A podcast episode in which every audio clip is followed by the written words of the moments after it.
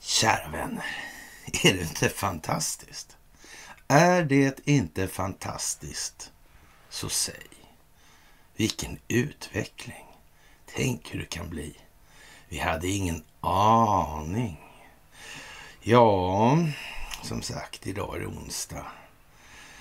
Ja, elpriser, krig och kärnkraft. Och ingen kan väl ha missat det här med prisutvecklingen på energi nu va? Även om det inte varit 17 spänn på dieseln så vart det, det vart lite annat ändå. Alltså jag, ja, svårt att missa det där tror jag i alla fall. Jag är inte säker men eh, det borde till och med hamnat i radarfånget hos svenska befolkningen. Jag tror det alltså. Ja, just det. På grund av kriget i Ukraina. Mm. Eller pandemin eller något annat. Ja, ja, ja. Den som har ett minne som är större än en guldfisk alltså bör nog eh, försöka dra sig till minnes att, eh, hur det lät innan man började skylla på de här högre elpriserna på herr Vladimir Putin. Alltså. I, I, februari så publicerade man i SVT en artikel där det låter så här. Därför kan det vara smart att inte dammsuga de närmsta dagarna. Det är kallt i stora delar av landet och kallare ska det bli de närmsta dagarna. Därför varnar nu Svenska kraftnät för ett ansträngt elnät idag och måndag. Det kommer troligen vara lite lugnare över helgen när elkonsumtionen är lägre. Som konsument kan det därför vara bra att eh, nu försöka hålla nere eh, ja, sin elförbrukning. Översatt till svenska då från opinionsbildningsprosa då, eller opinionsbildningsmediala termer då. Och nu, ska, nu ska vi få svenskarna att tro att vi har produktionsbrist i Sverige. Och den här 70 regeln vad är det egentligen för någonting som råder inom EU? Vi ska komma tillbaka till det där ordentligt idag faktiskt. Ja, regeln innebär att minst 70 procent av driftsäker kapacitet mellan elområden inom EU ska göras tillgänglig för marknadsaktörer. Detta anges i artikel 16.8 i EUs så kallade elmarknadsförordning. När hela elsystemet via marknaden är riggad för att gynna enskilda vinstmaximeringsintressen, ja då kunde det ju liksom bara bli på det här sättet i slutändan. Hur skulle det annars kunna bli? Ja, de säljer ju inte billigare, det blir ju sämste producenten, alltså den som har högsta produktionskostnaden som sätter priset. De andra tjänar ju mer på eh, att låta den vara med på det här då. Och så håller man ner tillgång lite grann också, så man ser till att fylla efterfrågan. och På så vis kan man så att säga ta ut priset så mycket som möjligt. Men som sagt, det kommer vi tillbaka till alltså. Vad EU egentligen är för någonting eller omskrivet vilka intressen EU är skapat för eller stödja. Skapat för att stödja. Ja, det kommer nog fler människor att inse den här närmsta tiden. Det tror jag tror vi har sagt någonting om hur det ska gå med det där projektet, det gamla CIA-projektet. EU alltså, och vilka som låg bakom det här och så vidare. Det var, ja, var ju familjen Dall där och, och ja, var det någonting med eh, underrättelsetjänstkollektivet där och utrikespolitiken och kalla kriget. Ja. Det där som Gorbatjov satte stopp för. Ja, just det, det gjorde han ju. Och, och något nytt kom. Nej, nej, nej. Nej, visst. Och så kom det kom oligarker istället. Ja, ja, precis, precis. Ja, man skulle faktiskt till och med kunna säga att den senaste tidens tråkigheter beror på, att ett fåtal, på ett fåtal svenskar som gjort allt för att gynna sig själva på bekostnad av alla andra. Undrar vilka det kan handla om. Jag tror det börjar framgå nu någonstans här. Jag tror det börjar framgå. Jag blir alldeles tårögd och rörd alltså. Jag, jag, blir nästan lite gråtmild så här på, på, på ja, ja, piglördags förmiddagen fortfarande. Ah, inte riktigt, men nästan. Ja, kära ni, det är helt otroligt kan jag säga. Att jag tycker att det är i alla fall. Och eh, kan vi kanske vara överens om att samhällskritisk infrastruktur bör skötas av samhället? Kan vi vara överens om det? Och att samhället förmodligen inte ska bestå av någon djup stat som gynnar enskilda vinstmaximeringsintressen, typ Eh, så att det blir fascism. För det är ju själva definitionen på fascism alltså. Mm. Det kan ju vara så att det borde vara på ett annat sätt än vad det är idag. Men, men vi ser inte riktigt den adressen på signalerna från den folkvalda representationen av någon anledning. Kan det vara så att den här, eh, om vi kallar den för djupa staten, faktiskt har insett det och, och hållit sig med en och annan grindvakt som ser till hela tiden att man utreder lagom mycket helt enkelt för att kunna vidmakthålla systemet och befolkningen i en tro om att det faktiskt eh, är på gång, det håller på att bli bättre. Om vi ska bara betala det här igen, eller bara göra det här och bara det här och bara det här och sen blir det bara sämre och sämre. Det är ju konstigt när så att säga, utrymmet krymper i det här. Mm, men det handlar om valuta, valutafinansiella systemet i grund och botten, alltså det här haveriet, den här skuldmättnaden. Och eh, ja, det här är ju liksom eh, under transparenta former och samhällets hållbarhet och utveckling som främsta ledstjärna, alltså utveckling för allas bästa. Med samhällskritisk verksamhet avses verksamhetstjänst eller infrastruktur som upprätthåller eller säkerställer samhällsfunktioner som är nödvändiga för samhällets grundläggande behov, värden eller säkerhet. Anser man att det är egennytta som ska vara ledande, alltså att man främst, främst ska tjäna på det själv när det gäller samhällskritisk verksamhet, ja då får man fan mig glatt betala de priser som marknaden sätter och hålla käften stängd helt enkelt. Är det svårt att förstå? Eller? Nej, det tror jag inte. Jag tror det är ganska enkelt. Det börjar bli lättare faktiskt för folk att förstå att de kanske har varit lite, ja, ute och cykla. Och, och jag tycker faktiskt att vi gör så som så. Alltså, vi ju våra röster nu alltså och talar om för våra medmänniskor vad det är som sker. Så att vi kan få den förändring som vi vill se i vår omvärld. Kära vänner, det är piglördag och det är onsdag alltså. Och då, då är det som vanligt, då är det dags för ett onsdagsmys. Ja, det var ju speciellt som sagt och eh,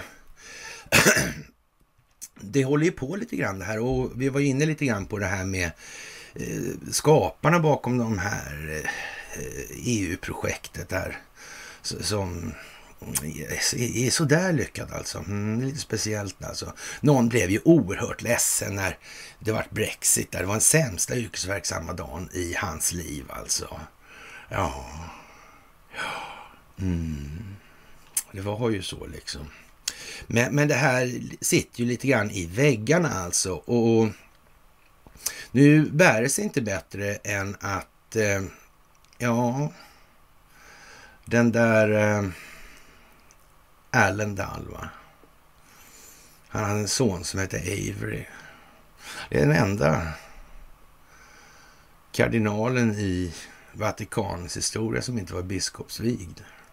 Han hade hand om finanserna, Vatikanbanken, alltså den som eh, Mario Puzo beskrev i Gudfadern-filmen, den här Immobiliare. Oh, just det. det var där den här, eh, ja, Nogara, Bernardino Nogara hette han, Han höll på också. Mm, vad konstigt. Det har funnits massa grejer i den här. Och Eh, påven Franciscus han instruerar Vatikanens enheter att flytta alla medel till Vatikanbanken senast den 30 september. Eh, påven Franciscus har beordrat att Heliga stolen och anslutna enheter flyttar alla finansiella tillgångar till Institute for Works of Religion, IOR, allmänt känt som Vatikanbanken. Ja, är inte det lite lattjo så här i tider som dessa? Jag vet inte vad som står för dörren. ja, vad kan det vara? Vad kan det vara alltså? Ja, och eh, mm, den här lilla bullan då, då eller vad vi ska kalla det för, eh, ja, utfärdade den 23 augusti klargör tolkningen av en paragraf i den nya konstitutionen för romerska kurian. Eh, predikate evangelium som promulgerades i mars alltså. Och ja, verkar det vara något på G eller? Jag vet inte. Det, det, det, ser nästan ut så i alla fall alltså. Som det att det är något på gång alltså. Ja, undrar vad det finns. Har inte de ett bibliotek de där förresten också? Det har de va? Och eftersom de har funnits kvar ganska länge så, eh, vad ska vi säga, i, i, i någon omfattning, eller i någon mån i varje fall, så verkar det ju som att innehållet i så att säga, det där biblioteket. Ja, det verkar vara liksom lite viktigt alltså, någonting. Verkar innehålla någonting. Annars hade man ju liksom gjort sig av med det där skiten för länge sedan alltså. Mm. Ja. ja, om det inte är då liksom det vanliga, eh, ja, vad ska vi säga?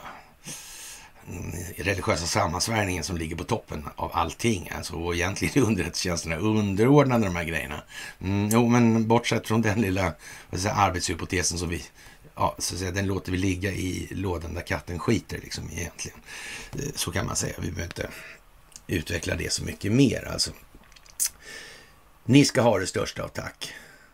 Ni ska ha det absolut största av tack för vad ni gör i det här. Ni ska ha ett jätte, jätte, jättestort tack för gåvor på Swish och Patreon. Ni ska ha ett lika stort tack för att ni fördjupar er på karlnorberg.se och ser till att det här blir vad det ska bli. Och ni ska ha tack för att ni hakar på Telegramtjänsten.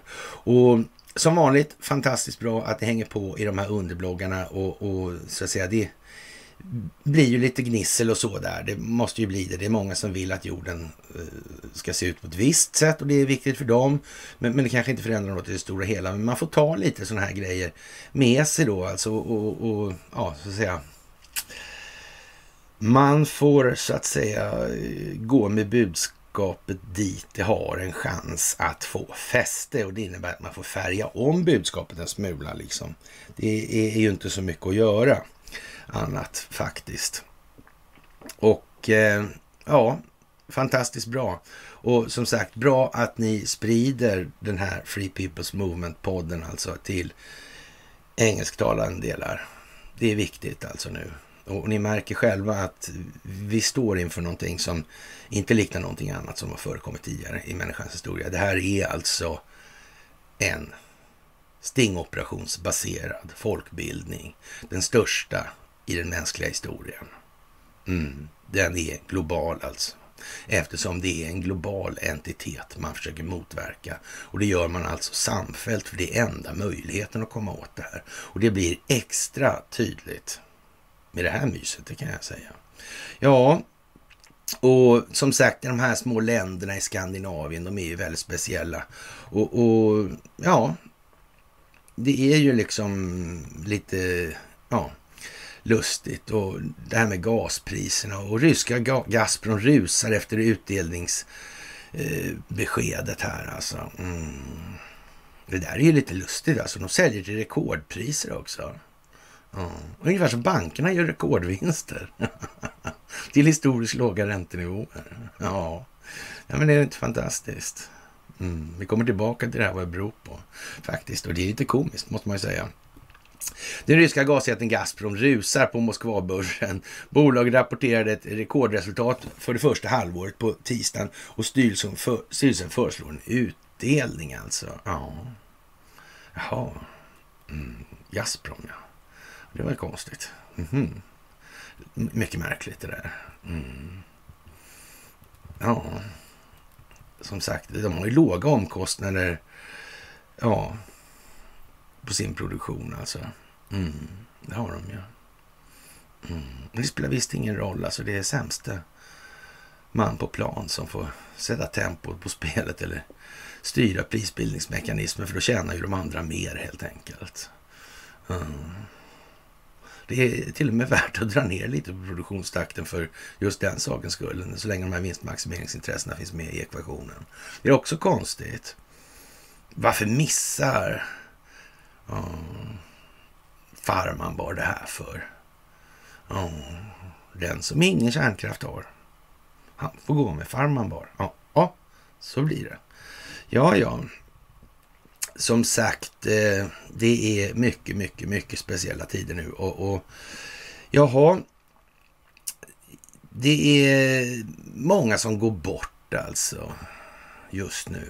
Och det har vi ju eh, sagt skulle komma eh, vid den här tiden. Och vi har till exempel ett nyhetsankare i USA där som, som 27 år just har tagit självmord bara veckor innan hon ska gifta sig i det här. Och, och, det är klart, har man suttit på det där viset som det svenska mediala etablissemanget har gjort och, och proklamerat de här sakerna man har gjort och så visar det sig nu att verkligheten är eh, precis som Kent Werner beskriver, alltså allt är en konspiration. Mm. ja, då är det ju som det är alltså. Och då är det ju bra att vara eh, ja, konspirationismens härförare eller konspirationsteoriernas grand old man. Alltså det är ju en mycket fin titel som jag är väldigt tacksam för att ha fått i tv av honom också för säkerhets skull. För, ja, fast vem vet alltså om inte Kent var medveten om det här på något vis alltså. Ja, men han kanske har skit under naglarna som han inte ville tvätta offentligt. Eh, han var tvungen att hålla händerna bakom ryggen hela tiden. Mm. Inte bara för att han håller fingrarna i kors när han ljuger. Nej. Ja, ja. Udda, udda, udda alltså. Ja. Och bybror är upprörda för höga vattenflöden i Luleälven och, och, och de har fan blivit galna alltså, på Vattenfall, säger folk alltså. Ja, det är konstigt. Mm. Det här med lägesenergin alltså i det här läget. Vad sa jag nyss? Jag sa att det kanske till och med är mer lönsamt att, att dra ner på produktionen eftersom priserna går upp så in i helvete. Ja, man vet ju inte alltså. Det är ju för jävla konstigt alltså. Ja, som sagt, vi... Ja, det blir lite lustigt alltså. Och det här med Norrland, vi har till Indien och så vidare. Och, och, och där ligger väl det här eh, Robertsfors har jag för mig va? Eh, och, och från Robertsfors härstammar väl då den amerikanska energiministern Jennifer Granholm. Hon är ju liksom eh, lite som hon är den där alltså med, med sina delaktigheter i tillverkningen av eh, batterier till bussar alltså och sådana här saker. Det verkar liksom sitta på minst två stolar. Mm. Nu har de väl inte så brett arsle, så vitt jag har tolkat saken, utan har särskådat den där frågan så mycket eller ingående. Så, ja. Men ett arsle verkar hon ju vara, alltså det, det, det torde inte föreligga något som helst tvivel om. Och, och släkten är ju värst alltså. Och i hennes fall då så Maud Olofssons, alltså eh, Nuon-Maud, ja, hennes eh, kar då, ja, Rolf.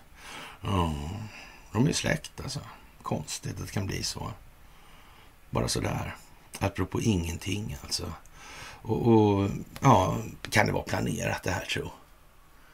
Den här Nuon-affären och så vidare. Mm. Hur, hur, blir det med geofencingen egentligen? Mm.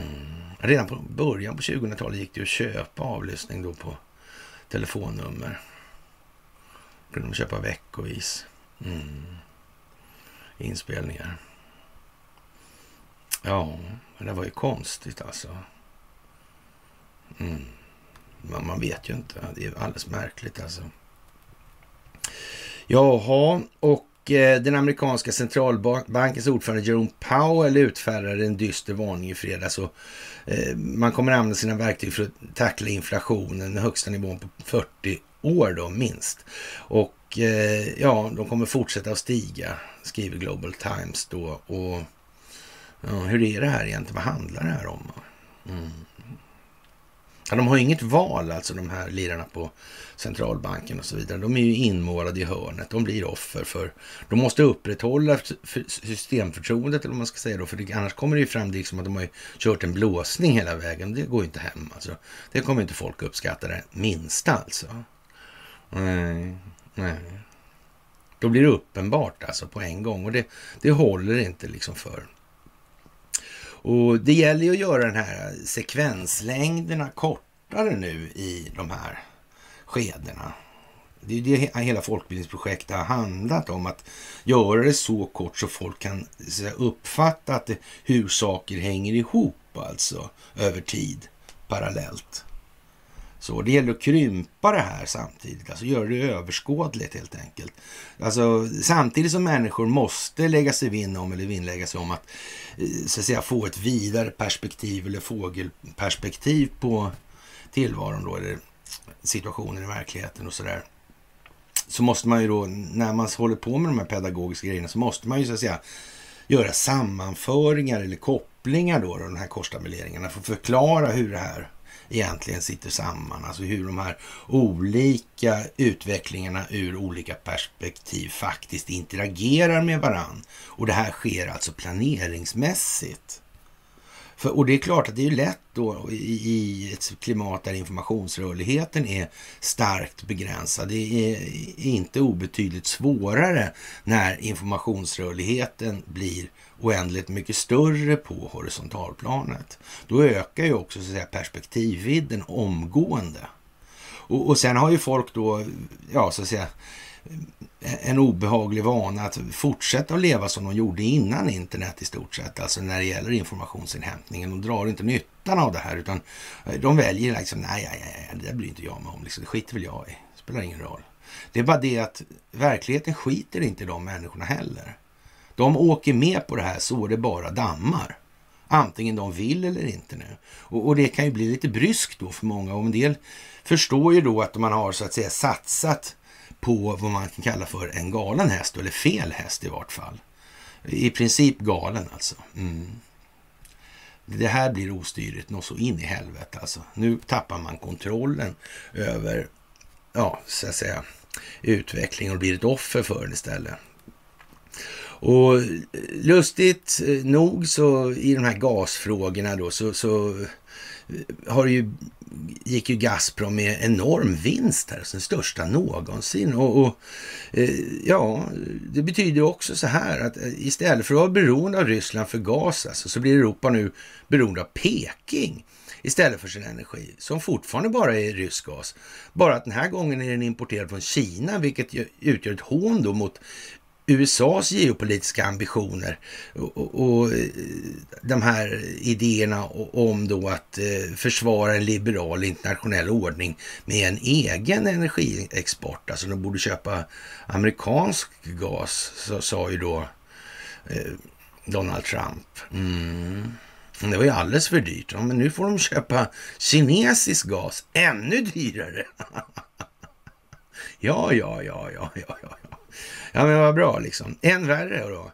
Medan Europa skulle kunna köpa rysk eh, LNG då, liquid natural gas, alltså för priset X då, så måste den istället betala 2X, 3X eller mer då, bara för att kunna signalera till världen att det kommer inte finansiera Vladimir Putins regim, när man i verkligheten betalar extra till både Xi och Putin, eh, som tar ut ett premiumpris tack vare den eh, totala marknadsbristen. Ja, det är inte fantastiskt det här?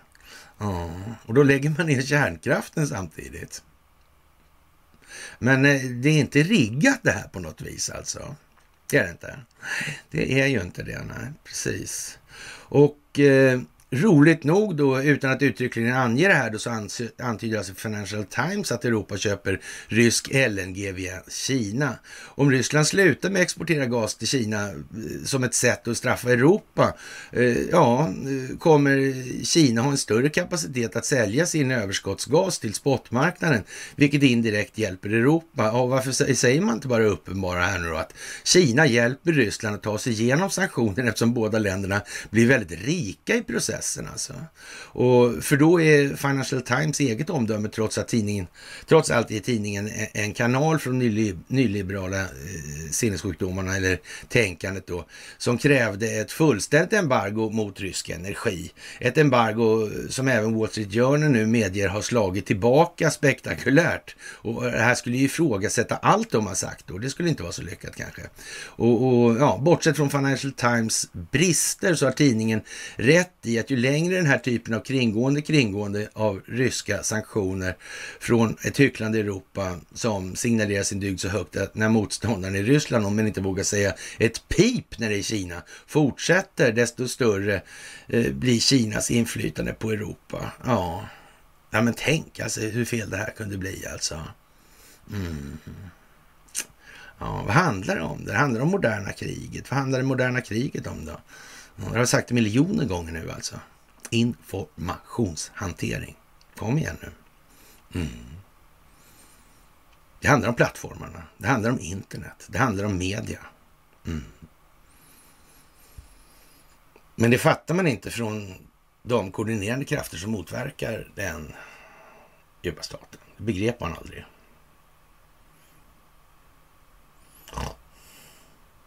Ja, eller hur? Mm. Ja, ja. Bolaget Gazprom som under det första halvåret redovisar en vinst på motsvarande 440 miljarder kronor hävdar att åtgärden är nödvändig för att en kompressor som används nu ska hinna undergå service och underhåll. Och nu fruktar flera länder att uppehållet kan bli längre som en vedergällning för införda sanktioner. Jämfört med ett år sedan har priset på gas ökat med 400 procent. Och då, kära vänner, då, vad händer då? Då måste man alltså serva den här eh, gasledningen, Nord Stream 1. Och, och, det är klart att då blir ju en del länder eh, ja, så att säga, de blir lite skitnödiga då alltså. Och, och, tycker att det här är ju liksom, ja det innebär att det kommer inte kunna leverera någon gas under tre dygn nu från idag till på lördag då. Och, och uppgifterna stämmer då enligt vad statliga nyhetsbyrån TASS säger. Och, då är det klart att, eh, ja, nu fruktar alltså flera länder i Europa att uppehållet kan bli längre alltså. Som en vedergällning för införda sanktioner. Tänk alltså, det, det är ju som upplagt för det helt enkelt. Ja. Och nu får ju Europa bestämma sig. Nu får de mucka gräl med Kina i så fall alltså. Mm. Eller vända sig till USA kanske. Ja, men de har inte så mycket produktion längre. Konstigt det där. Verkar som de som försvarar och verkar för den djupa staten på något vis har hamnat mellan skål och vägg nu alltså. Eller ja, hammaren och städet kanske. Mm. Det verkar lite så. Va? Jag tycker det. Ja, trist det där. Trist historia skulle man kunna säga. Som sagt, människor måste kunna få en egen överblick och då kan inte varken ställtid eller processtid vara för långa. Så alltså, det måste liksom hända nu i princip. Alltså kan vara lite, någon timme emellan sådär, men inte så mycket mer alltså. Mm. Mm. Eller som någon skrev i en, eh, ett meddelande där att det smäller mer på DIs första sida än vad det gör om Star, eller Vladimir Putins Stalin-orglar. där. Ja, det kan vara så alltså. Ja, snart begriper även Ullareds svensken eller säger herr Bergqvist. Ja, det är ju en fråga alltså. Det är ju verkligen det som är frågan. Hur får vi dem att engagera sig? Hur får vi med oss dem? Ja, vi måste ju gå till dem, för till oss kommer de inte. Så är det ju. Och, och då får man väl eh, ja, tumma lite på, på det här lite grann. Så man får liksom få lite intresse. Det handlar ju om det, alltså väcka intresset hela tiden. Skapa fler frågor. Mm, en undran med hur det här, här kommer sig egentligen. Vad är det här för någonting? Och det går inte att äta en elefant på en tugga. Det gör ju inte det. Och vi måste bredda, vi måste bredda hela, hela, hela tiden. Det är vår uppgift i det här, i det här folkbildningsprojektet. Ja, det är lite sådär uh, udda tider kan man säga när, när den här typen av information kommer i den strida ström som det faktiskt gör nu. Och ja, som sagt, de äh, eh, säljer, kineserna säljer gasen till Europa Europa som de köper av Ryssland som är utsatta för sanktioner. Och, och båda tar extra betalt alltså. Ja, det är ju liksom eh, som sagt. Jaha, och eh, folk glömmer så fort. Ja, det är ju så. Och vi kan väl konstatera här att när man från svensk sida i Dagens Industri så skriver att Google har slarvat med svensk skatt igen, då vet man ju inte vad man ska säga. Alltså Google svenska bolag har en fått en anmärkning i en oren revisionsberättelse alltså. Mm.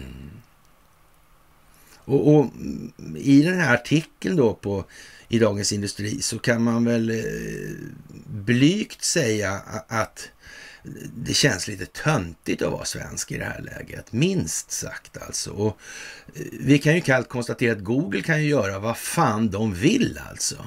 Utan att det svenska samhället kan göra ett enda sketnåge åt den saken alltså. Det är ju liksom, vad ska de göra då? Ja, men då kan väl ni slippa allt som har med Google att göra då, kan vi Google säga då. Vadå inte betala skatten i tid? Dra åt helvete, var glada att vi betalar något alls. Och, och, då håller man sig så här, vad ska man säga, revisorer och styrelseproffs höjer på ögonbrynen.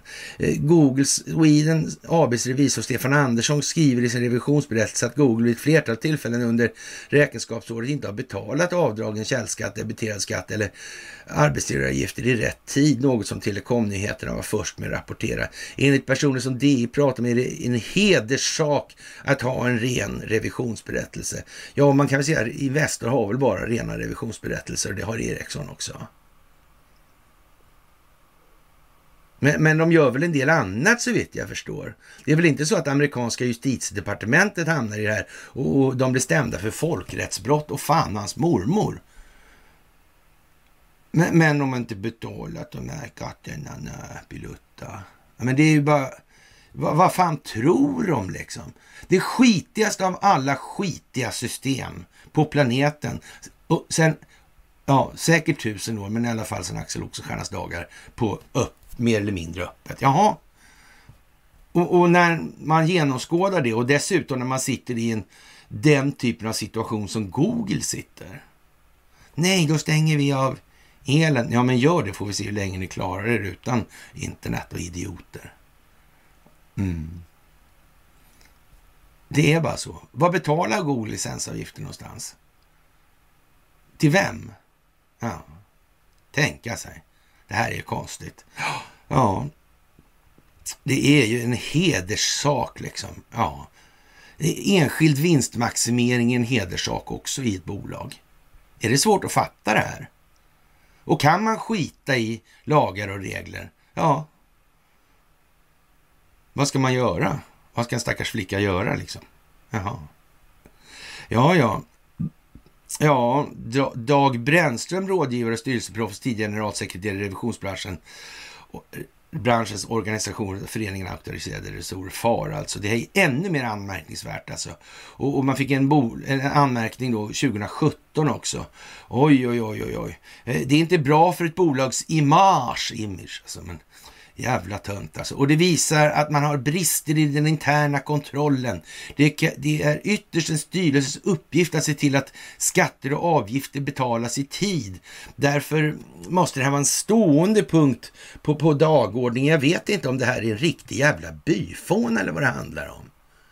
Han ser liksom inte, och någon djupa staten finns inte alls. Alltså, man undrar ju någonstans, alltså hur illa kan det vara ställt när det är så här? Varför? Ja, givetvis är det här folkbildning alltså, som en irriterande låg nivå alltså. Det var klädsamt om man slapp det där helt enkelt. Men nej då, så är det inte alltså.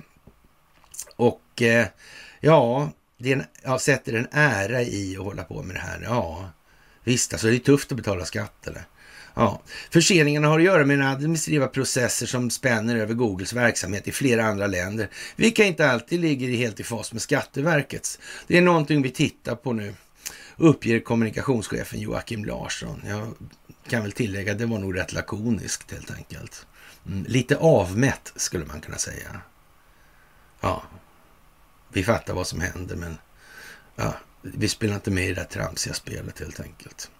Vi vet vad som gäller nu och vad som står på spel. Ja, det är, ja, som sagt, det, det, den djupa statens byråkratiska saneringspaladiner förstår nu alltså att de har svalt ett bete och de kan inte göra någonting åt saken alltså.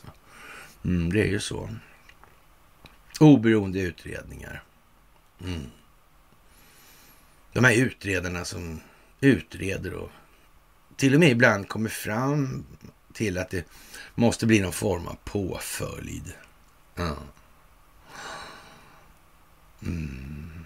Vad var det egentligen för likhet me mellan Inga-Britt Ahlenius och, och eh, den framlidne här Mikhail Gorbatjov? Mm. Mm, det är ju som det är liksom. Mm. Om man hade då den här, eller var chef över den här, eller bestämde i den här djupa staten. Skulle man ta in så där jävla mycket folk som ens hade tillstymmelse till en hypotetisk möjlighet att ställa till någonting? Nej. Och ju längre tiden går, desto värre blir det. Och det ruttnar alltså uppifrån. Häpnadsväckande nog alltså. Vem kunde ana? Ja, till och med fackföreningarna i Umeå har kommit på att de är nog rätt så... Ja, det har varit eh, vegångs ockupation länge alltså. Det har nämligen aldrig varit något annat. Helt enkelt. Ja. Och jo, det har funnits mycket genom åren och ja. 2011 så var jag i farten om att beskriva det här på ett sätt som man undrar om jag var dum i huvudet nästan alltså. Ja, det får man nästan säga i dagens läge. Alltså det, ja, jag drog det här bakåt liksom och tänkte det här kommer ju i alla fall väcka genomslag. Eller genklang. Ja, det gjorde det väl, men ja, min, mina, min marknadskunskap i, i så att säga, opinionsbildningssegmentet var väl kanske något för välvillig helt enkelt. Alltså inställd. Alltså, jag tillskrev nog mottagarsidan lite större förmågor än vad som visade sig vara fallet. Alltså det är klart att man kan ju också se det som att jag fick klart för mig att så att säga min pedagogiska framtoning måste rimligtvis lämna en del i övrigt att önska. Det måste jag ju säga. Det, det fick jag ju lära mig ganska fort alltså. Och, och, det här är ju ändå bara 11 år sedan då.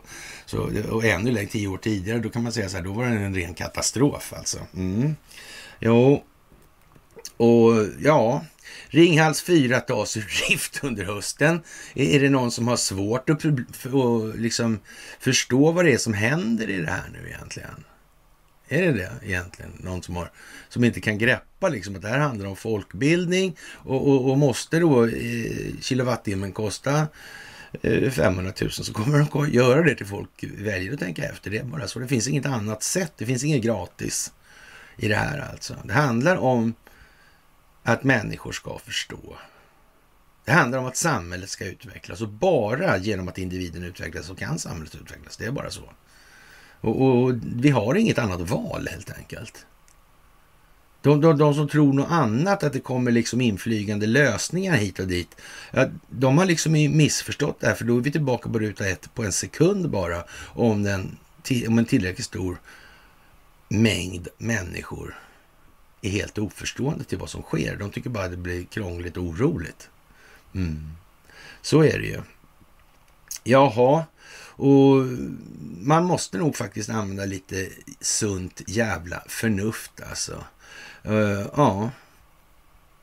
Eller ta smällen och gnäll sinsemellan på det sätt du har blivit hänvisad till i media. Så det funkar säkert jättebra. Ja, ja, ja, ja, ja. ja.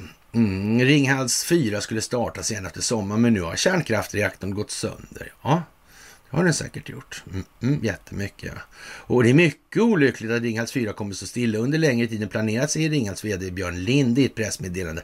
Det är mycket olyckligt, ja, mycket, mycket olyckligt kanske till och med. Ja, och den här ställdes av i mitten av augusti för årligt underhåll och bränslebyte i samband med ett obligatoriskt test när verket skulle startas upp igen efter avställningen. Och då skadades tryckbehållaren tydligen då. Och ja, vi kommer göra vårt yttersta för att återställa anläggningen så att elproduktionen kan återstarta, säger den här vdn då, lite förnumstigt. Mm. Ja, det är, de här skadorna upptäcktes på måndagen alltså och ja, det ska inte utgöra någon säkerhetsrisk alltså. Ja.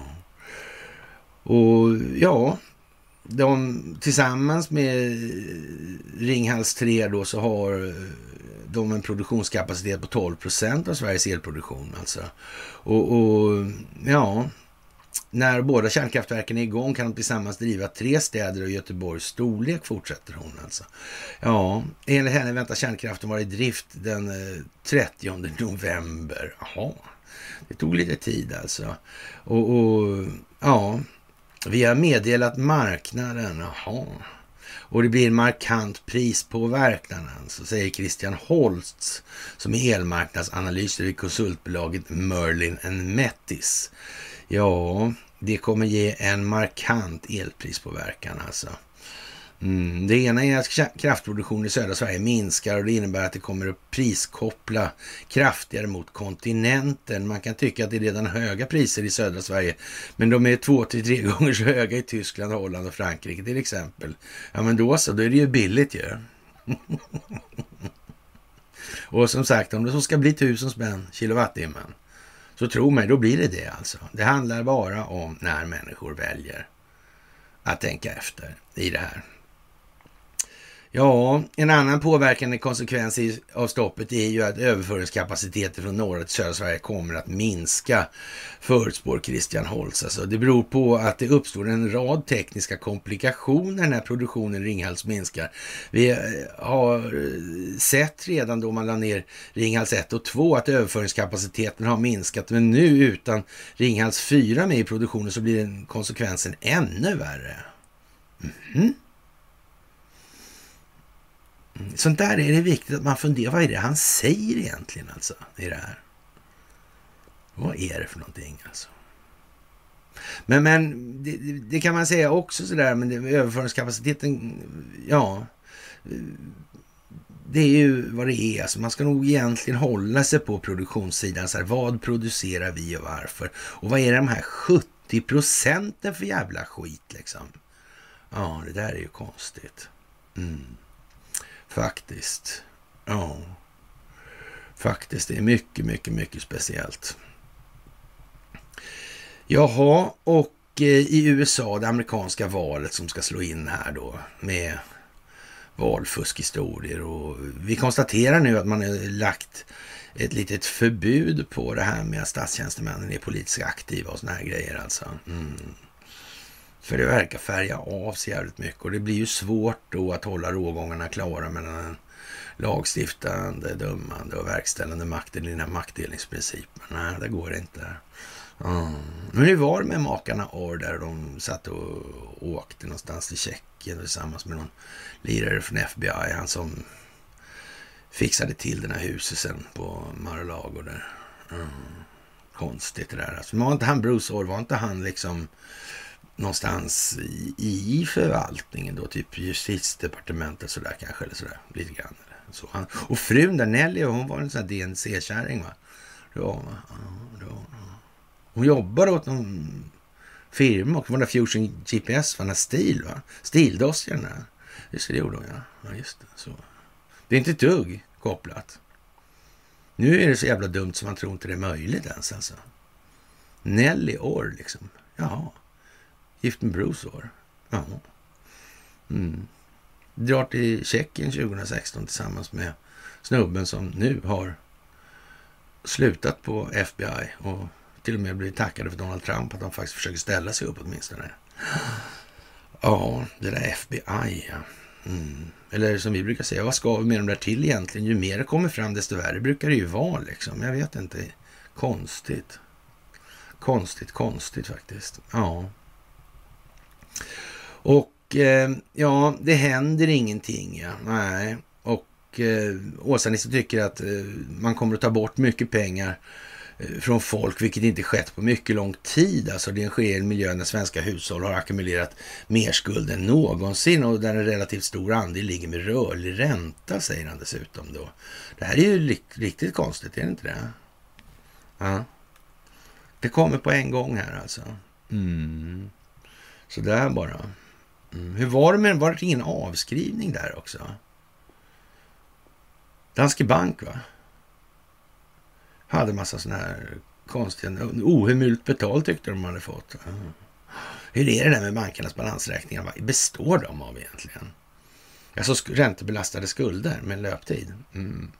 Ja, ja, ja. Och ett nominellt belopp alltså. räntenivå och sådär. Alltså. Mm. Ja, och det här valet i USA, det verkar, allt det här verkar ju hänga ihop på något vis alltså nu. Mm. Och va, det kanske beror på att han Donald Trump sa sådär att drain the swamp. Det verkar inte vara så populärt. Och, och The Swamp, de tyckte gärna att de ville ha en bra förklaring till varför ekonomin kukar ur totalt alltså. Mm. Det tyckte de ja. Mm. Men det verkar skita sig duktiga tag alltså. Ja.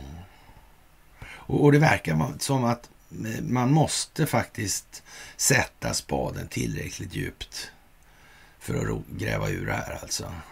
Korruptionen. Ja, och det kan ju vara så att läkemedelsindustrin faktiskt är ett av de värre träsken i det här. Mm. De måste bort alltså. De måste bort alltså. Mm.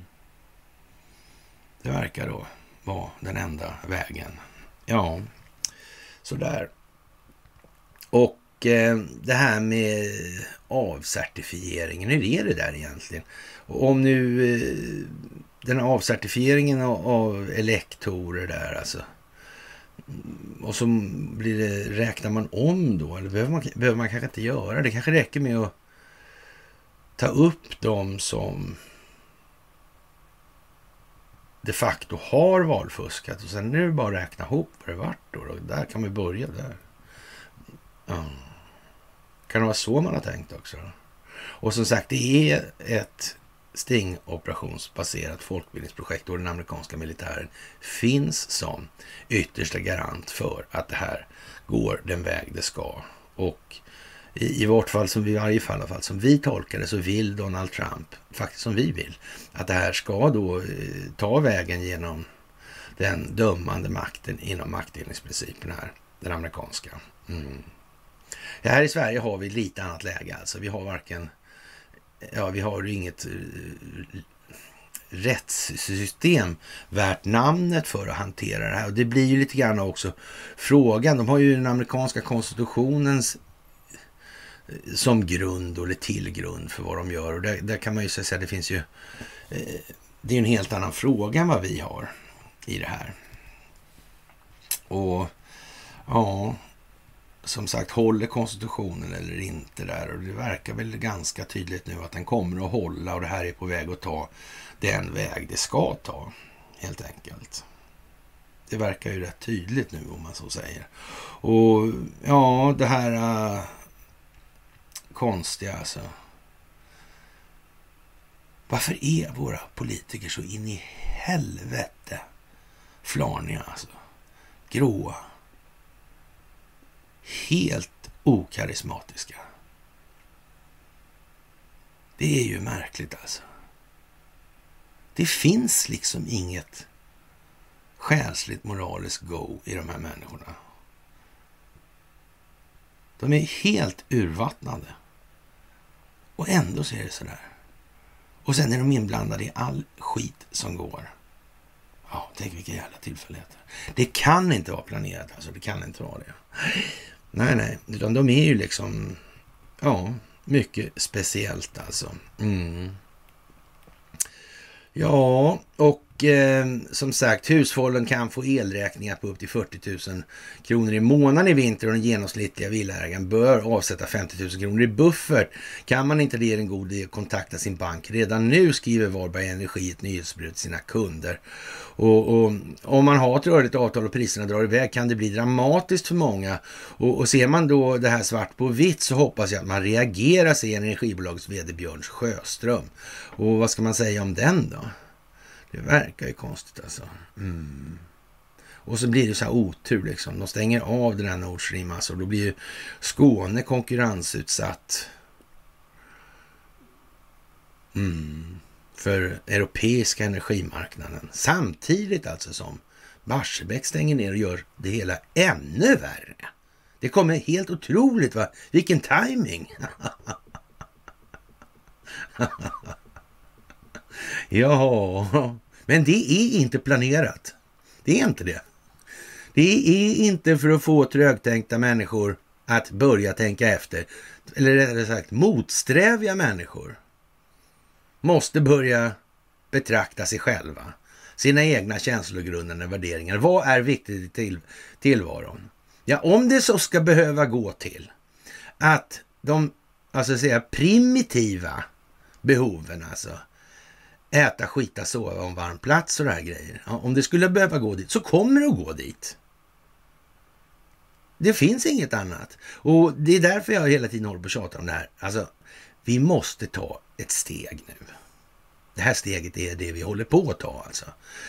Och gå från att vara filosofiskt materialistiskt orienterad till att bli då intellektuellt, emotionellt orienterad. Alltså vi måste tänka. Varför känner jag som jag känner? Det är det alltså. Reflektera över vårt emotionella tillstånd. Vad beror det på? Vilka värderingar ligger egentligen till grund för mina känslor i det här? Mitt ställningstagande. Det är viktigt nu alltså. Och, och just den här biten, det här sista jag säger nu, det, det, det är naturligtvis inte det man ska börja med när man börjar tilltala folk, utan man får ta det den vägen det går. Vi har ju kommit fram till att det verkar ju vara som att den bästa, det bästa bettet i, i sparken, så att säga, vad gör det ondast, det är uppenbarligen inte huvudet, det är lite Sven Duva-varning här alltså, utan det är plånboken alltså. Ja, ja. Det är där det svider alltså. Mm. Folk älskar ju pengar mer än vad de älskar sina barn till exempel. Mm. De kan inte tänka sig att liksom göra någonting för barnen. Offra sig själva. Nej. Så långt har det gått alltså.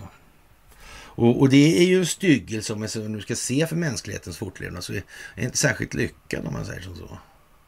Inte lyckat alls faktiskt. Jaha, och som sagt, eh, justitiedepartementet slår ner på anställdas politiska engagemang inför mellanårsvalet här då. Och, och, och justitiedepartementet avslöjar på tisdag nya restriktioner som förhindrar politiska utnämnda icke-karriärer från att delta i några politiska, partipolitiska evenemang. Alltså det får inte bli som Nelly och Bruce Ordor, för det där blir ju katastrof alltså. Tillkännagivandet kommer bara några månader före mellanårsvalet 22 och mitt under granskningen av en avdelning efter FBI's hus husrannsakan av tidigare president Donald Trumps hem i Florida. Och, och, ja, det där är ju som det är nu. Och, och, det är liksom inte mycket att be för. Det var väl inte, kanske inte så jättefrivilligt, men så är det i alla fall. Och, ja, och som sagt. ja, och nu vet jag i alla fall svaret på det här hemska med att Eh, Kina säljer då rysk gas till Europa eh, aggressivt alltså. Och ja, det är som sagt en trist historia där att sitta där man sitter för EU och eh, den djupa staten nu. Det går så där alltså, verkligen så där. Och mer lär ju komma, eller mer kommer och, och, det här är väl så att säga lite grann början alltså. Och eh, ja, EU-kommissionen och nationella politiker skyller energikrisen på sanktionerna mot Ryssland eller på priser på gas från ryska intriger alltså. Och ingenting är sant alltså av det här. Och eh, vi ska ta en bit om det här och, och egentligen så är det enklare att ta det här och beakta utbudssidan bara och tänka, tänka sig så här, va? Men, men eh, det kostar si och så mycket att få upp eller få fram energin alltså. Mm. Och sen säljs den då på en energimarknad och, och som sagt, den här e-, energikrisen är främst gjord av EU då. De astronomiska priserna är helt enkelt den perversa effekten av år av prismanipulation som inte tog hänsyn till den här gasen. Men det, det blir ju lite sådär, det här är om man ser det så att säga ur Eh, ett marknadsperspektiv också. Då, för att visa då att det här med marknadsmekanismer, det är ju också en jävla kalanka modell alltså i det här. Och sen kommer ju då eh, ja, valutamarknaden ovanpå det här. Då, då så kan man prismanipulera då valutamarknaden. Då. Det har ju till och med då HSBC åkt fast för de här grejerna. Eller Morgan Stanley också. Så det, det är ju liksom inte så mycket att diskutera om egentligen, men, men i alla fall då för sakens skull alltså. Eh, Europeiska unionen, EU, alltså gör el dyr genom att låtsas att det finns marknadskrafter och att priset motsvarar ett utbud och efterfrågeförhållande. Alltså. Genom att bestämma elpriset via en börs manipulerar ett fåtal energibolag allas pris. Det finns eh, ingen eh, fri marknad utan självbetjäning. Alltså det eh, Den främsta boven i EUs marginalprissystem för el, i det systemet är det priset på den dyraste produktionsmetoden som avgör priset på all el. Priset är ett kortsiktigt pris, men på grund av systemet är energiproducenternas eller system, på grund av systemet är energiproducenterna inte benägna att sträva efter långsiktiga priser utan de hakar ju bara på det här. Ursäkten för Europeiska unionen och subventionerade experter är att marknaden fungerar och allt är fråga om utbud och efterfrågan. Är det här rätt då? Nej, det är det inte. Teorin lyder så här. Om producenten A är effektiv och producerar för 10 euro och producenten B producerar ineffektivt eller med fossila bränslen för 50 euro så kommer båda sälja sin el för mer än 50 euro. För A har ingen anledning att sälja billigare än Bs minimipris för det finns ingen konkurrens alltså. I det här. Det har aldrig funnits heller. Är det, är det här lämpligt överhuvudtaget? Nu? Jag, alltså jag vet att det är en eh, högst retorisk fråga, men jag ställer den ändå, alltså, för det är verkligen viktigt att folk tänker efter nu här. Det är alltså den sämsta och dyraste produktionsformen som blir normsättande. Det blir det normala. Mm. De andra tjänar ju mer på det, att det är så. De får extra betalt helt enkelt. Mm. De behöver 50 eller 60 för att gå runt. Ja, och de andra det kostar bara 10 för dem att göra det. De tjänar ju rätt mycket på det här. Kan det vara därför Gazprom har rätt stor vinst? Kanske. Mm. Är det dags att visa det här nu? Tänk att den där ringhalsen gick sönder. Ja, ja. Ringhals? Stackel? Jaha.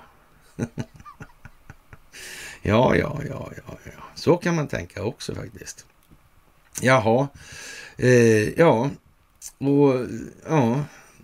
Den teorin stämmer bara om efterfrågan överstiger A's hela produktion om inte B går i konkurs. Alltså. Med en lägre efterfrågan ligger priset någonstans över 10 euro och därför absolut inte 50. Obs! Det här är ett viktigt faktum. Varför? Eftersom EU inte vill att producenter av förnybar energi ska gå i konkurs. Alltså. Då sökte unionen en metod för att skydda de ineffektiva kraftproducenterna. Ja. Och, och, det här är helt givet alltså. Och om efterfrågan är större än producent A's produktion kan priset vara eh, ja, större än 50 euro, men priset, priser högre eh, än eh, 50 euro behöver inte innebära det. Producent A kan leverera perfekt lönsamt till sina kunder över 10 euro. Detta fanns även på energimarknaden innan införandet av marginalprissystemet och kallas för självförsörjning. Tyvärr gjorde unionen något åt detta genom att låta all elförsäljning gå via den börsen alltså. Och den här börsen är till exempel Nordpol då, då som är en av de större av de här.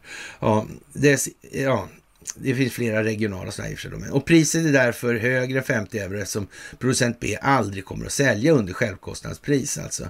Med andra ord är marknadspriset eller kursen priset för den dyraste producenten som behövs för att möta efterfrågan. Ekonomiskt mycket logiskt, men på en normal fri marknad så finns det undantag från det här. Då, då. Eh, Producenter som A ingår långtidskontrakt för att säkerställa köp. Eh, läsare ska inte bara tänka på BASF då, alltså BASF, IG Farben BASF alltså, som slöt avtal med leverantörer och till och med deltog i producenter. Konsumenten faller även under långtidsavtal med fasta pris för perioder om ett eller flera och man köper den här jävla elen på termin alltså då. Och eh, genom att göra de här priserna nästan omöjliga på lång sikt pressade EU upp det genomsnittliga priset. Det är logiskt eftersom priset på börsen då avgör priset. Det är alltså handeln med de här terminerna som är. Och, och ja, är det, verkar det vettigt eller? Och, och, i slutändan får ju det konsumenterna betala för det här. Det verkar ju konstigt. Mm. Jättekonstigt helt enkelt. Ja, och, och som nu då det är, alltså, det är lågt eftersom priset på börsen avgör priset då. Och, och, och som nu om, i och med nedläggningarna av kärnkraft som producerar billig el och den dyrare gasen som de andra effektiva anläggningarna körde på stiger kursen på börs, börsen, alltså elbörsen. Är, är det här verkligen lagen om tillgång och efterfrågan? Är det det? Nej, det är det inte. Det är rena jävla lekstugan och ingenting annat. Det är ju idiotiskt helt enkelt. Men till så höga gaspriser tillhör dessa gaseldade kraftverk inte längre kategorin effektiva producenter. Resultatet blir då att de orsakar högre priser på elbörsen. Mm. Ja, det är ju konstigt att, att de här eh, bolagen som har alltså en dyrare produktionskostnad ändå hänger i alltså. Mm. Men det finns en sån överefterfrågan då tydligen på marknaden. jaha, jaha, ja, jaha, ja. Mm. Och vad sa vi i början här? Det där med dammsugningen, det fanns en, var en produktionsbristfråga. Va? jag sa jaha. Ja, ja, ja. Förr om åren har det inte varit det. Men... Ja, ja. Mm. Eh, detta utbyte maximerar fördelarna för en ineffektiva producenter. Eh, vilka var de här ineffektiva kraftproducenterna? Tidigare var de här energiproducenterna baserade på vind och sol. Det går trots, trots allt sällan med full last eller vid 100% produktion. Vind och sol är opolitliga. Vindkraftverk uppnår en otroligt eller väldigt låg verkningsgrad. Alltså. När det gäller solpaneler så ska man inte tänka på solpanelerna på familjens tak utan tänka på solcellsparker med kvadratkilometer paneler Då, sådär. Och, Ja, det är ju som det är alltså nu det här. Det är rena nyset alltså. Och eh, ja, man får nog eh, konstatera det att eh, den här cirkusen kommer nog med stor sannolikhet utmynna i att de flesta människor tycker att det här är en samhällsangelägenhet och det kan inte vara rimligt då att Eh, människor, individer ska belastas av det här på det här sättet. För samhället består av individer alltså i det här. Mm. Och det här är alltså inte politiserat till någon särskilt obetydlig omfattning. Det är högpolitiserat, kanske det mest politiserade skiten överhuvudtaget alltså. Ja, utan energi alltså så är det ju liksom som det är i samhället. Det är bara så. Och, och ja, Eh, ja, så att säga, hela marginalprissystemet är det tvingande skälet till att kärnkraften kärnkraftverken måste försvinna alltså.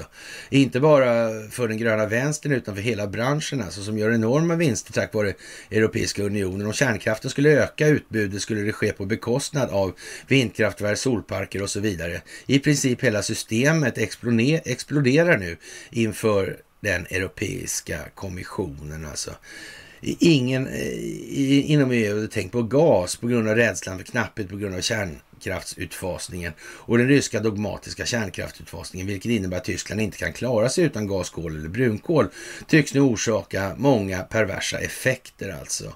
Och ja, det är ju liksom som det är nu och, och som sagt, det ska göras tydligt. Det är ett folkbildningsprojekt och det här baseras på den inrikespolitiska situationen i USA. Och eh, på något vis så känns det ju, men ingen kan ju missa det här att jo men Donald Trump höll på det där med Nord Stream, det var det ju lite grann sådär och ja, det var alla möjliga varianter där, men som sagt, eh, men tänk om han eh, är som på bilden vi gjorde den här som Johanna, Rita och jag var med och pratade om och ja, sådär idéerna till då.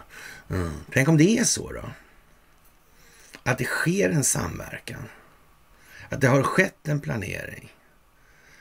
För det är ju konstigt att det svenska kärnkraftverket går ner samma dag som ja, man talar om nej men nu ska vi stänga den här i tre dagar alltså. Eller den här gasledningen. Mm. Det är ju konstigt. Ja, man vet ju inte. Faktiskt. Mycket märkligt alltså. Det är ju som det är. kort sagt. Jaha, eh, gycklarmarknad deluxe, det vill säga den svenska bolånemarknadens konsekvenser har blivit för den globala ekonomin. Och Finansinspektionen ska som sagt, vi tog det upp förra gången, så granska konsekvenserna av bolånetack och amorteringskrav. Och, och regeringen avser att ge Finansinspektionen i uppdrag att utvärdera konsekvenserna. Det gäller alltså att ta bort amorteringarna för att vi ska kunna låna till räntorna då. Eh, med någon form av, så att säga, eh, trovärdighet, eller vad man ska kalla det för. Det vill säga, ingen kommer ju, alla kommer låna och ingen kommer tala om att de lånar. Mm. Ja, man vill ju vara rik i alla andras ögon. Ja. Så de blir avundsjuka. Ja, men sådär. Och eh, det här med vad händer i USA? Det här med FBI's inblandning i USAs val genom att censurera Hunter Biden-storyn där, det har de erkänt alltså. Det där är ju inte så bra. Eh, och som sagt, då, ja, det måste man ju ha vetat och chansen att man inte drog nytta av den vetskapen och, och så att säga eh, startade ett kontraspionage inom ramen för kontraspionaget så att säga. Mm. Och så lät man de här måla fast sig ordentligt. Han fick ju sparken tämligen snabbt den här Marolago-instigatorn där. Han som iscensatte det där. Mm, det där gick ju inte så bra till Bolt där. Nej. Tim till Bolt. Ja, och eh, som sagt, det där är, är, ju lite speciellt. Alltså, det drar ju verkligen ihop sig nu alltså. Mm. Men det måste ju ta lite tid. Och vad händer egentligen här när det... Hur blir det här med det svenska valet då? Mm. Ja, Stensson har varit på det där och ringt till myndigheter och grejer. De verkar ha svårt att hålla isär begreppen.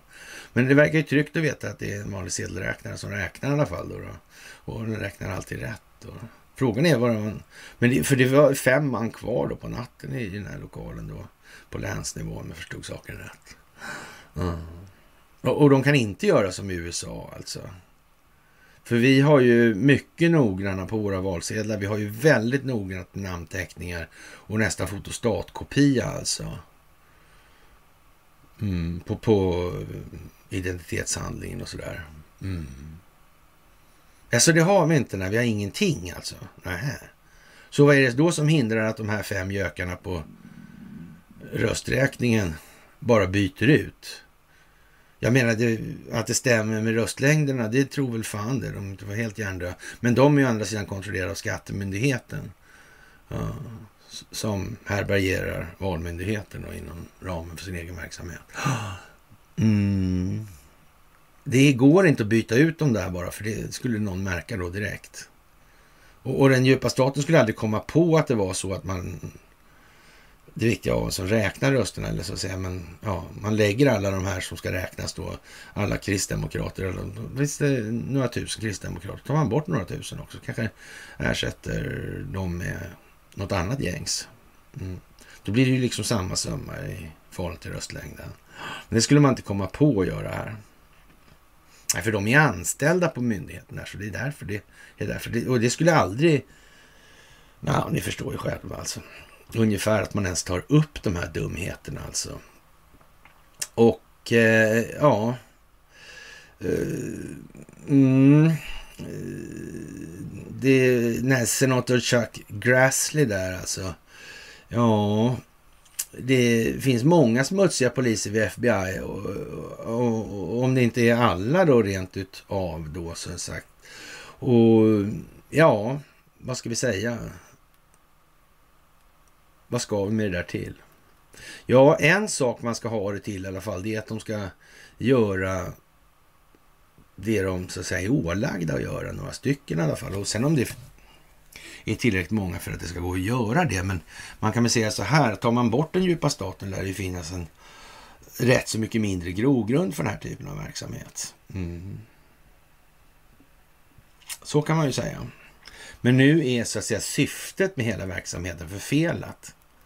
Och då blir det lite tokigt. Det måste vara liksom clean cut här nu.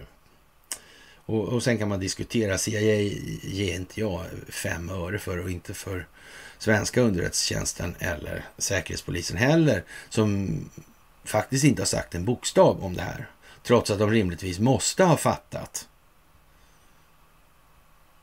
en hel del utifrån de underlag de faktiskt har. Jag menar, det, det är ju helt sanslöst alltså. Det är helt sanslöst. Och är de så efterblivna så de inte förstår systemens funktion i stort med vilka innebörder och konsekvenser det för med sig för människor. Ja, men, ja, men då är de ju jättelämpliga naturligtvis. Eller också är de inte så lämpliga. Och man kan ju undra liksom så här, det här eh, lite grann eh, det här med valkompasser och såna här grejer alltså. Och, och, ja, det finns officiella um, opinionsundersökningar från Demoskop, Sifo, SCB, Novus och sådär. Och, och jag skrev ju en gång om det här i, i eh, ja, på TV4 då för länge, så länge sedan. De inbillade sig att jag kunde bli snäll igen. Men det kunde jag inte. Mm. Och, eh, och så finns det då valkompasser och de här grejerna. Och eh, ja, jag vet inte. Det här med valpåverkan. Det där är konstigt alltså. Har det där blivit någon glidning det där på något vis? Det får man fundera lite på nu skulle jag säga. Det är nog rätt så viktigt faktiskt. Och eh, som sagt, eh, Mikhail Gorbachev är död och Schwarzenegger missar inte tillfället. Ja, vad var egentligen det här med Gorbachev? Han, direkt, han avslutade kalla kriget, fick det bli till eftermäle då. Sådär. Och det gick ju inte då när eh, Sovjetryssland då blev ingenting. Utan då blev det läge för då istället eh, ja, Bill Browder och ja, jag trodde Deripaska dök upp då riktigt än. Men, men eh, i alla fall så ja, Abramovic dök upp tidigt också. Och sen så Mikael Chodorkovskij där. Mm. Ja, ja, ja. Men de gjorde bara bra saker allihopa för Mest Chodorkovsky han gjorde jättebra saker. Mm. Ja, ja. Mm. Som sagt, det kommunistiska hotet, ja. Som sagt, ja, och... Eh, ja, vad ska vi säga? I någon mening så måste vi väl hemåt igen här då. Vi tar väl en sväng till Calcutta och konstaterar att Engelska skolans valuppmaning till föräldrar kritiseras nu. Så rektorn hävdar att han har rätt att uttrycka sin åsikt där han lägger sig i politiken där och, och ja, det är väl tjusigt. Eller är det inte det? Nej. Det är nog rätt många som anar var det här håller på att ta vägen. Mm. Och det där är ju liksom riktigt närmast imbecilt gjort alltså. Men ändå gör han det. Jag vet inte, hur kommer det där sig? Hur kommer det där sig egentligen? Ja, det kan man fan fråga sig. Det behöver man inte fråga sig naturligtvis. Och det skakar i Kiruna. Det skakar. Mm. Sverige skakar i sina grundvalar nu. Mm. Det sägs att eh, ja, Polismyndigheten och en åklagarkammare har vidgått att Estonia-utredningen ligger under abolition. Mm. Ja, det vore ju förargligt, tänka sig. Ja, för skrev inte tidningarna ett tag att det kommer inte fällas några ministrar och sådana inblandade där? Nej, nej. Ja, ja. Det verkar väl riktigt dumt alltså. Mm. Men, men som sagt, det här med... Mm, det där med rättsväsendet. Det handlar om det svenska rättsväsendet. Varför sa Robert O'Brien så? Jag vet inte. Faktiskt. Det är lite speciellt alltså. Och, och, som sagt, man måste nog säga så här när Bruce Elnell i år har varit på resa med den här Tim Tibol till FBI-killen, alltså till Tjeckien 2016. Då får man nog säga att det har, har nog varit en del planering. Och det är inte riktigt så banalt som man kan tänka sig från den djupa statens sida heller. De var lite mer komplicerade, ska vi ge dem alltså. Men å andra sidan så, mm, vi har inte riktigt samma informationsunderlag som underrättelsetjänsterna har. Alltså det har vi inte. Å andra sidan kanske vi har lite bre bättre bredd då i någon mening. Sådär. Mm. Jaha, och eh, ja, Antifa.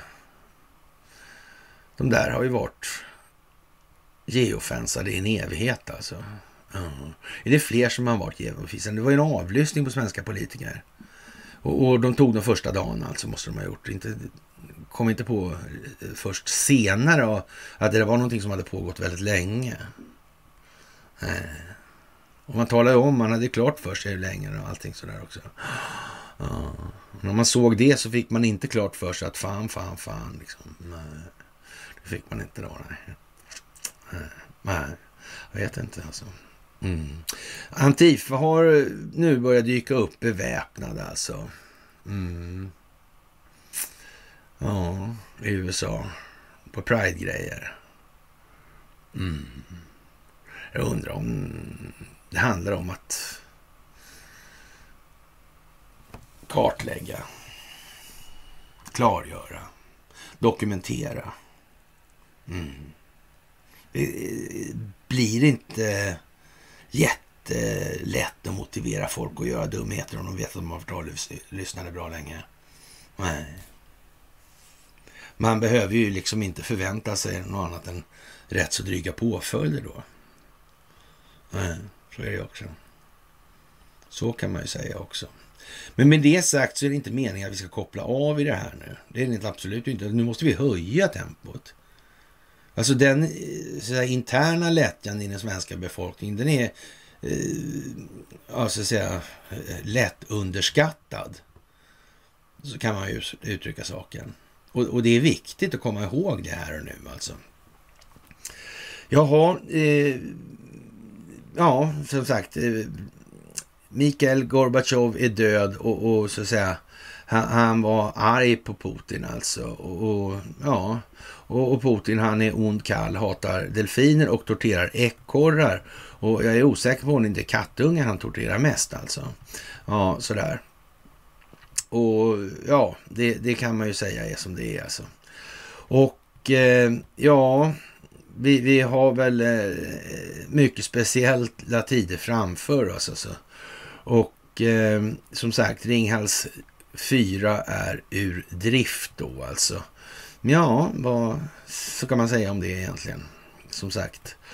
Och ja, i alla fall det här med Gorbatjov liksom. Han skulle ju ha mött Palme våren 86 alltså.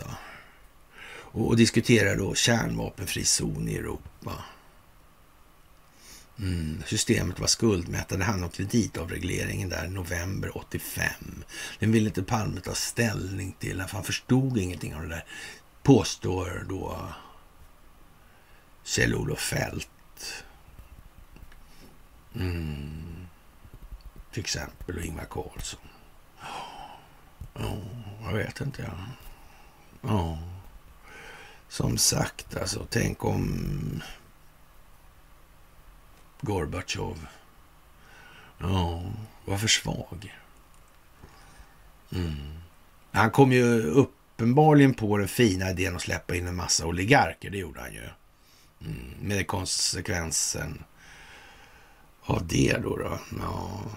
Mm. Så, så stark kan han inte ha varit. Eh, I alla fall inte för ryskt vidkommande. Nej. Men för oligarkintressenas vidkommande så var han säkert jättestark. Mm, så var det ju. Det blev ju som det blev ändå trots allt. Ja. Och, och det var väl kanske ingen förbättring då man uttrycker det. Kriminaliteten, ja så att säga, blomstrar väl skulle man väl kunna säga. Och, och folk i gemen hade det väl sådär helt enkelt. Mm. Men å andra sidan ska man väl ge honom det att han i vart fall i de äldre generationerna skapade en viss saknad av vad som tidigare hade varit. Även om det var korrumperat så var det ändå lite mer dolt korrumperat än vad det blev sedermera. Ja. Och som sagt 91 år alltså. Och ja, det är som bäsk sanning hela tiden alltså. Och brända politiker luktar illa som Hermansson skriver. Det är bara så alltså. Det är ingen diskussion alltså. Och ja, eh, det här med att eh, klimatrörelsen och så vidare. Mm. Ja, man tar i så man spricker från Aftonbladets sida i det här. Och, och det är desperation, desperation och desperation. Och ännu mer desperation. Det är inget annat noga räknat. Fantastiskt alltså. Ja, eh, man kan ha fel alltså, men det är en lång lista med personer som ägnar sig åt köpt vetenskap för att gynna egennyttiga globala företag som är de största miljöbovarna alltså. Det kan man ju faktiskt säga och det är ju inte en siffra fel i det då. Och eh, det är väl lite trevligt helt enkelt. Mm och konstatera att nu finns det tillräckligt. Det här kommer inte att gå över. Det kan bara ta eh, ja, en viss tid eller en lite längre tid och beroende på hur mycket tid och, energi, en, en tid och energi vi lyckas stoppa i det här för att nå en tillräcklig verkningsgrad på insatsen. Ja, det är ju bara så. Och eh, ja, det moderna samhället är ju vad det är och vi har ett energiberoende som är vad det är och eh, som sagt, Google betalar sina licenser till Ericsson under tillsyn av amerikanska justitiedepartementet. Mm. Ja, ja, ja, ja, ja, det är ju konstigt alltså. Och Trumps kanal Truth Social säger att Google tolererar överträdelser av appbutiker av konkurrenter eftersom godkännandet drar ut på tiden. Eh, ja, och Trump Media Technology Group försöker dämpa fejden med Google över den senaste senares vägran att godkänna Truth Social-appen i sin nuvarande form knappt mån två månader före mellanårsvalet. Ja, vad ska vi säga egentligen? Vad kan det bli av det här egentligen? Som sagt, eh, techjättarna i sin nuvarande form av tappning, de är vad de är. Så är det ju. Sen är det också så här att eh, anledningen till att kliva över på Truth Social. Det är lite grann, man får tänka lite grann som det här med om man ska värva nya spelare till ishockeylaget. Det, det är en bra grej. Alltså det, det, är ju svårt att värva sådana i det egna omklädningsrummet faktiskt. Det är bara så. Var förs informationskriget? Ja, där det finns människor som ska övertygas. Eller upplysas. Mm. Övertyga, det får de göra sig själva liksom. Mm genom egen eftertanke, men upplysas i alla fall. Och, och det här med att, ja, som sagt, vi måste bredda. Och där står vi nu. Ja, och vad kommer det att bli av det då, tro? Mm. Han har ett förvärvsbolag också. Ja. Kanske det skulle vara globalt globala plattformar. Det är ungefär som Facebook kanske sådär och Youtube och sådär. Men lite annorlunda kanske sådär. Mm. Vi får väl se vad det blir. Ja, och som sagt, det amerikanska valet är vad det är i, i den meningen alltså. Och eh, försvaret väljer att eh, dra ut på de här vindkraftsbeskeden. Mm. Man kan inte spela hur dumma som helst alltså. Och, och, och, någon form av försvar eller försvarsmakt måste vi ha alltså. Någonting som har med, med så att säga spelar en roll i totalförsvarsdelen. Det måste finnas insatsförband alltså. Mm. Och, och, ja, det är en bra grej alltså. Mm. Men, men det här att ha ett försvar som är dimensionerat och, och, och ställt i förhållande till eh, en fiende eh, som faktiskt inte existerar i någon som helst egentlig mening. Det verkar lite konstigt alltså. Inte bara så jävla lite heller. Det är liksom... Ja, det är ju riktigt amatörmässigt alltså. Det måste man ju säga. Och, och det går ju liksom... Och, och det, det, här säger Säkerhetspolisen. Säkerhetspolisen liksom. Det är en politiskt tillsatt chef liksom. Bara det liksom. Och, och ja, ÖB då med eh, Pride-Micke liksom. Och, och musthoppan liksom. Som tycker metoo, alltså. Ja, det är ju vad det är verkligen alltså. Och det är naturligtvis så att det är gjort för att skapa en övertydlighet i det här. Mm. Ja, ja, det där är ju lite speciellt alltså. Telia kan förlora flera tv-kanaler, förhandlingar pågår. Det är precis som att det håller på att torna upp sig alltså. Mörka moln mot himlen alltså. Det är som en Gandalf med på balkongen där med hobbiten. Mm. Mm, det är konstigt, konstigt som fan är det ju. Och eh, ja, eh, man tycker då i alla fall att eh, en Kina-expert säger att vi skulle ha varit oroligare för för länge sedan. Alltså, men nu står vi inför fullbordat faktum, eller fait accompli alltså. Och, och, det där är ju lite som det är. Alltså, kan det vara så att det ligger en långsiktig planering och det bara blev så hade kineserna bara tur. Ja, och den här manövern nu med att sälja rysk gas till Europa för dubbla påslag liksom. Vad är det för fasoner? Men om man, och sen, sen stänger de ner då Nord Stream 1 så blir det ännu dyrare. Ja, och samtidigt går Barsebäck ner. Men det är ju inte klokt liksom. Ja. Och den här 70-procentsregeln. Ja, det är ju konstigt alltså. Tänk, varför, varför har inte folk protesterat mot det för? Nej, de har ju inte det alltså. Nej. Mm. Ja, ja, ja, ja, ja, ja. Mm. Ja, som sagt alltså. Och mm, vi får väl se vad, vad, vilket som tar vid först här nu. Och allt fler svenska företag fimpar Kina alltså. Ja, de verkar liksom inte vilja finnas kvar där. Nej, konstigt alltså. Vad kan de ana någonting här? Mm. Men det är inte koordinerat mellan Ryssland och Kina där. Och inte med USA heller faktiskt. Ja, det är ju konstigt alltså. Mm.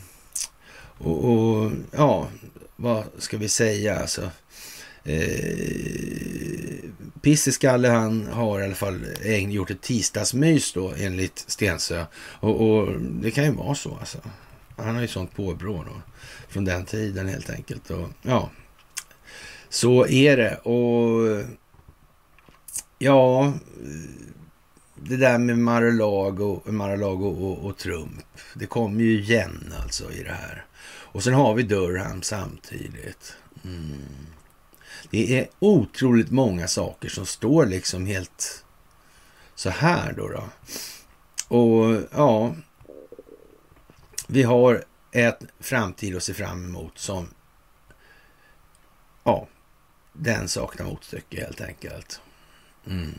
Och det är nödvändigt. Det är nödvändigt. Och det kommer att bli jättebra med tiden. Så, så är det också.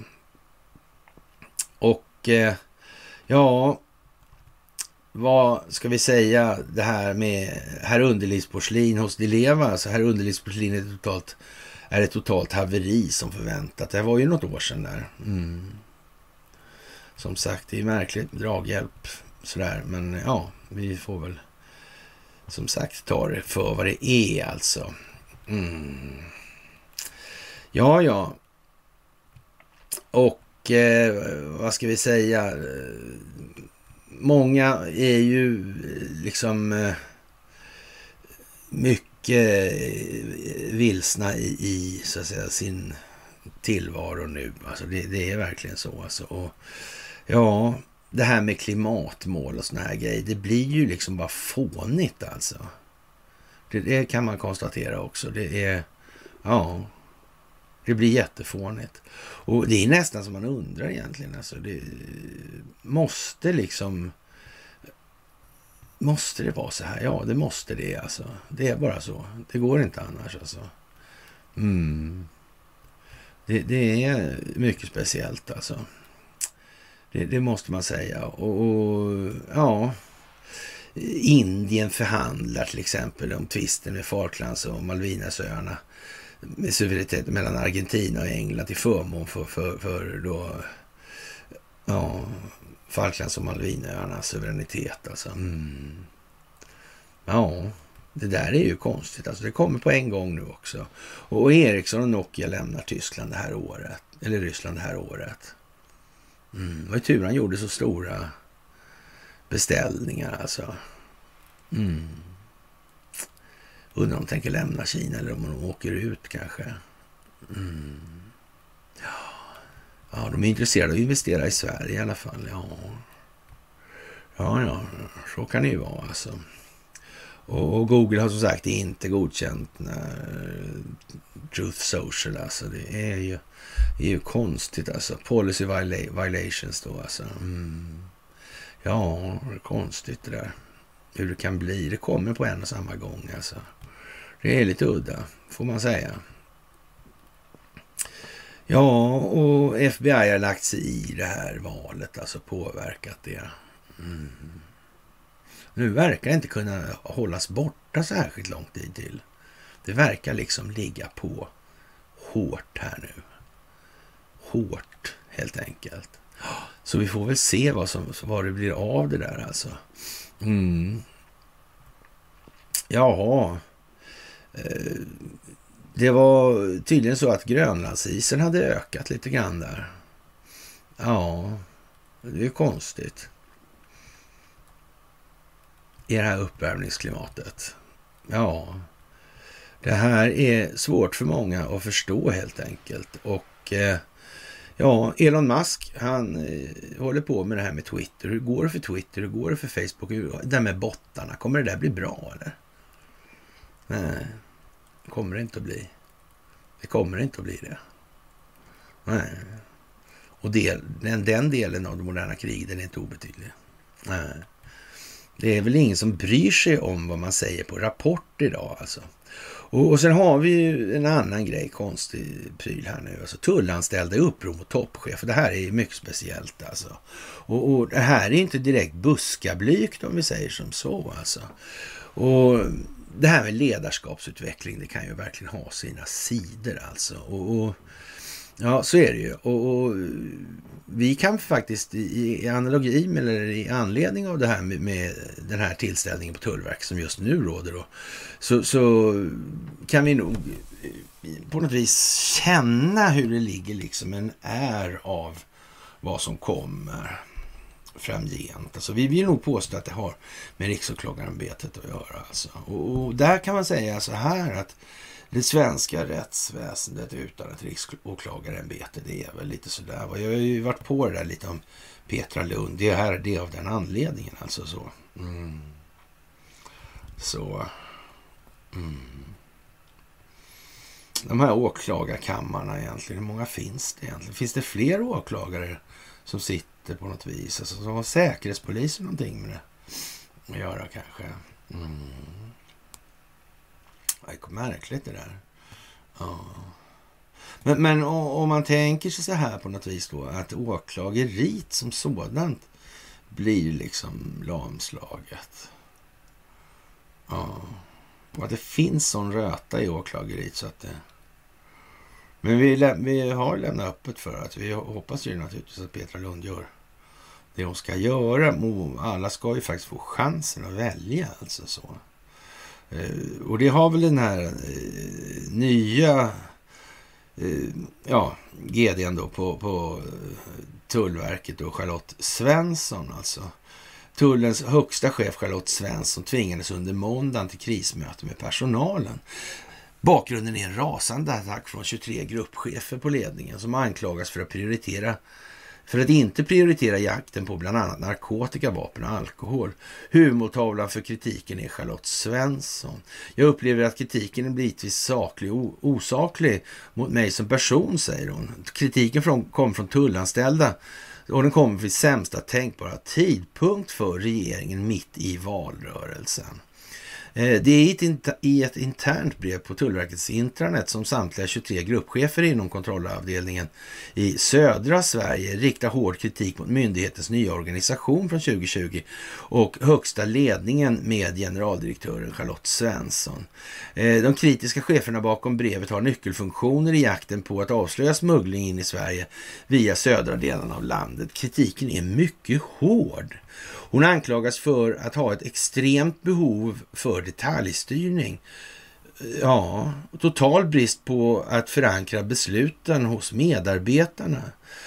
Generaldirektörens ledarskap stå, slår split i organisationen och skapar oreda. Medarbetarna är livrädda. Expressen har tagit del av brevet i sin helhet. Tonen är mycket hård mot ledningen från de 23 gruppcheferna. Från brevet Generaltulldirektörens ledarskap skiljer sig diametralt från en ledarskapsstil som alla vi i tulltjänstemän fostrats i.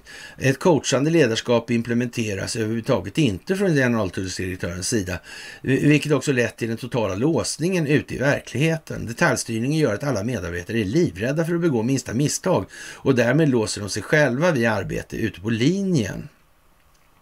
Kritik, kritikerna anklagar ledningen för att inte prioritera personalens jakt på smuggling av bland annat narkotika och vapen. Vi upplever att generaltulldirektören har genuint ointresse för sin personal och vi tvivlar starkt på hennes lojalitet mot medarbetarna och Sverige. Ja, hur var det där nu egentligen? Med den här eh, hon, tantan där som var hon på, ja, som hela personalen var så arg på där. Och, och, och det var Ekobrottsmyndigheten va? Mm. Ja, ja, ja, ja, som aldrig tog någon. Ja. Mm. Mm. Ja, det, man får ju lite känslan av att det är det samma, liksom, på något vis här har liksom, är det personalen som är dålig? Och, eller är det hon som är dålig här? Mm. Ja, det vet man ju inte alltså. Men, men, men tvivlar starkt på hennes lojalitet mot Sverige. Det låter väl rätt graverande, gör det inte det? Det tycker jag faktiskt. Kritikerna inom Tullverket hävdar att ledningen på myndigheten inte prioriterar brottsbekämpningen. Låter inte det allvarligt? Mm. Och de har ju dessutom haft en ledarskapsutvecklare där alldeles nyligen. Eller ja, inte så jävla nyligen. Mm. Mm. Hur blev det där egentligen? Mm. Hur är det på Riksåklagarämbetet tro? Finns det inte en enda korrumperad åklagare? De sista, de försvann, de sista korrumperade, de försvann när man la ner Hannes tingsrätt. nej, nej, det tror jag inte riktigt på. Det tror jag inte. Det finns säkert några stycken bra också, men som sagt, vi befinner oss där vi befinner oss alltså. Ja, brevet avslutas eh, med vi gruppchefer upplever att Tullverkets nuvarande utveckling är en stor fara för Sverige. Ja, det beror väl på om man menar Sverige som land med befolkning eller om man menar den djupa staten i Sverige. Det beror ju lite på där va. Det uppenbarligen finns det två falanger här som tycker olika saker. Ja. Som sagt, det kan vara det ena eller det kan vara det andra. Mm. Och det här måste ju åtgärdas. Tänk om man har kartlagt det här. Mm. Man kanske har gjort sådana här typ chefsbytesmötes operationer. Ja. Kanske det kanske. Kan det vara en grej i det här? Man kan ju inte säga att det handlar om det svenska rättssystemet utan en aning om vad som ingår i det svenska rättssystemet. Det verkar inte så trovärdigt. Nej, Nej man vet ju inte. Ja, ja. Charlotte Svensson har en lång karriär i regeringskansliet lustigt nog. Alltså. Det är inte så eh, smickrande. Eh, hon utsågs till chef för Tullverket 2017 och har en tung meritlista inom statsapparaten. Hon jobbat nära flera S-märkta ministrar. Eh, hon har valt, varit statssekreterare hos finansminister Magdalena Andersson med ansvar för skatt och tullfrågor. Svensson har även ett förflutet som planeringschef hos tidigare statsminister Göran Persson. Det kan man väl säga inte nödvändigtvis var någon större meritering alltså. Sommaren 2016 utsågs hon till statssekreterare hos dåvarande inrikesministern Anders Ygeman, eh, där en av hennes arbetsuppgifter var att leda regeringskansliets krishantering och krisberedskap. Nu befinner sig Charlotte Svensson mitt uppe i sin egen gris. Och under måndagen reste hon till Malmö för att möta sina kritiker. Vi har haft en jättebra diskussion och det finns en frustration. Jag tolkar det som att man har skrivit en hel del av det här i affekt, men det är jätteviktigt för mig att fånga upp och få en tydligare bild av de problem som medarbetarna upplever, säger hon. Charlotte Svensson menar att en del av kritiken bottnar i att en omorganisation som genomfördes ännu inte har satt sig fullt ut då och att den interna kommunikationen måste bli bättre. Hon anser att kritikerna också har fel när de hävdar att brottsbekämpningen inte är prioriterad. Samtidigt har hon förståelse för personalens frustration. Kontrollarbetet är ett av våra kärnuppdrag för Tullverket. Mitt viktigaste mål är att vi ska kunna göra fler kontroller på flera platser under flera av dygnets timmar. Ligger det något i kritiken som riktas mot dig? Nej, jag upplever då att kritiken är bitvis osaklig mot mig som person. Alltså, det där är ju Eh, ja, får man bedöma om man tycker det där är. Men, men det ser väl inte så ljust ut kanske. Nej. Nej. Eller som någon initierade i frågorna sa, eh, det är väldigt lätt att överskatta ambitionsnivån hos Tullverkets underrättelsetjänst alltså. Ja, det kan man ju kanske tänka sig. Ja. Mm. Som sagt alltså. Ja, generaltulldirektör alltså. Ja. Det ser mörkt ut på andra håll också, till exempel från ambassaden i amerikanska ambassaden i Bagdad i sin roll som livmoder för terrorismen i Mellanöstern. Den här green zone där, där pågår full kalabalik då i alla fall om man kan tolka, som man kan tolka då, utländska medier har lite grann varit svenska, i sydsvenskan och sådär, men inte någonting alls i stort alltså. Mm. Det innebär att det är den djupa staten som håller på att åka ur nu alltså. Mm. Hade inte vi någon snubbe som var någon form av försvarsminister där som var svensk medborgare? Och, ja, en passant. Ja, ja, men så kan det ju bli bara. Sådär. Ja. Det är speciellt alltså. Och, och så det bara räcker alltså. Och det är liksom, det är inte snack om om det här är planerat eller inte. Man får ju vara eh, rätt så motsträvig ifall man ska liksom hålla fast vid att det inte är det nu. Det är bara så. Och eh, USA lämnar kritik då för att det är för nära band mellan Wallenberg och SAS nu alltså. Och, och, möjligen kan det ju vara så att man kommer fram till att det är sam, från justitiedepartementets sida kommer fram till att det är samma familjen Wallenberg alltså som man har eh, ja, att göra med när det gäller det här med Ericsson alltså. Mm. Jag vet inte. Och det skulle inte, säkert inte förvåna om de var inblandade i de här energifrågorna också. Med ABB, alltså styrningen där, kraftförsörjningen. På något vis. Mm. Kan det vara så? Ja, man vet ju aldrig helt enkelt. Det är ju konstigt. Det är ju konstigt alltså. Ja, och eh, ja, kan det då liksom komma fram att det är så här då, då tro? Ja, det verkar ju redan vara framme, så vad, vad ska hända sen liksom? Och, och, amerikanska justitiedepartementet anser inte att SCB bör fortsätta som rådgivare till SAS. Alltså. Ja. Myndigheten ser problem med storbankens styrelseordförande Marcus Wallenberg koppling till flygbolaget rapporterar E24. Och, och SAS genomgår just nu en rättslig process i USA där bolaget ansökte om rekonstruktion genom ett så kallat eh, Chapter 11-förfarande.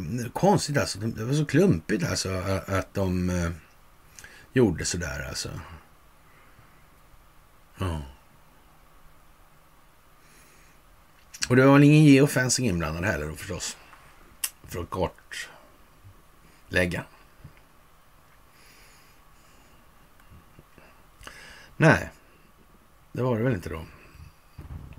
Som sagt, det blir vad det blir och ingenting annat alltså. Och ja, hur man försöker eh, kratta manegen för att det inte alls ska bli så, det är väl som det är också. Så här. Och Ann Linde är på möte i EUs, med EUs e-, utrikesministrar i Prag, informellt möte. Och man ska diskutera EUs relationer till länderna i Afrika och unionens fortsatta eniga och kraftfulla svar på Rysslands aggression mot Ukraina. Mm. Ja, samtidigt. Samtidigt, samtidigt. Ja, det är väl eh, trevligt kanske. Får man väl säga ändå alltså. Ja. Och eh, ja, Jimpa Simpa han vill slänga ut Eh, ja, 20 miljarder till rättsväsendet. Han säger inte ett ord om att vi har problem med hela rättsväsendet som Robert O'Brien säger. Han ser inte de där grejerna av någon anledning. Nej. Men vad exakt är det? Då tänkte han sig massa poliser då med ja, ännu tjockare pannben kanske. Jag vet inte. Det löser nog väldigt mycket tror jag. Jättebra alltså. Jaha. Och som sagt, amorteringskravet ska ses över. Vad kan gå fel möjligtvis alltså? Och att den här äh, Tim Tibolt, alltså anti-Trump-aktivisten och FBI-specialagenten som öppnade Trump-utredningen, ja, han fick sparken alltså. Mm. Ja, med kopplingar till Clinton och Obamas. Alltså. Vad är det som händer egentligen? Mm. Det är en hel del det som händer skulle man väl kunna säga. Alltså. Och som sagt, och Kina brukar konstgjort regn i kampen mot torkarna, så alltså slår upp stor artikel i Dagens Industri. Mm. Vad konstigt. Ja, det är ju väldigt, väldigt märkligt alltså. Mm. Och man erkänner från amerikanska justitiedepartementet att man har tagit sådana här äh, advokatklient handlingar som man inte har rätt att läsa. De är klassificerade då. Det blir ju inte så bra det här alltså. Det blir ju inte så bra det här. Jag vet inte, går det att spänna bågen så mycket jävla hårdare? Nu måste det nog eh, så att säga, börja lätta lite på trycket här alltså. Iran stänger gränserna med Irak. Det är alltså rörigt i gröna zonen där. Och som sagt, det är vad det är. Och ja, det blir absolut vad det ska bli också i det här. Och ja, blir det något valfusk då här hemma? Ja, vi vet ju inte det. Det gör vi ju inte. Blir det något val? Det vet vi inte heller. Mm. Som sagt, det finns olika sätt att se på Vi ska väl komma in på det lite mer vad det lider här nu när vi närmar oss valet och diskutera lite grann i de termerna alltså. Och SCB spår ett boprisfall på 15 till 20 procent i dagens juridik. Det kan ju vara värt att notera. Och Finlands nya kärnkraftverk strular igen och noll elproduktion av en händelse just nu alltså. Mm, eller hur? Det är ju skitbra faktiskt. Det får man nog säga. Och eh, ja, sådär. Det var en räddning på eh, en Grisslehamnsfärja alltså. Mm. För, ja, 25 5 22, en övning där alltså. Och så hände den här. Hur är det med de där rutterna egentligen? Hur navigerar? Mm. Och Estonia-utredningen under abolition. Mm upp ur hålen på Estonia kommer och så vidare har vi sagt massor med gånger. Mm. Ja, vi får ju faktiskt rätt ofta rätt, eller vi har inte fått fel någon gång. Hittills i alla fall. Mm, så det är ju lite speciellt alltså. Ja, det är mycket som händer och mycket som står på spel. Och USAs artilleri lager, artillerigranatlager är obekvämt lågt alltså efter Ukraina-hjälpen alltså. Mm, därmed tycks vara redan nedrustningsfasonerna det här helt enkelt. Just det, vad konstigt alltså. Mm.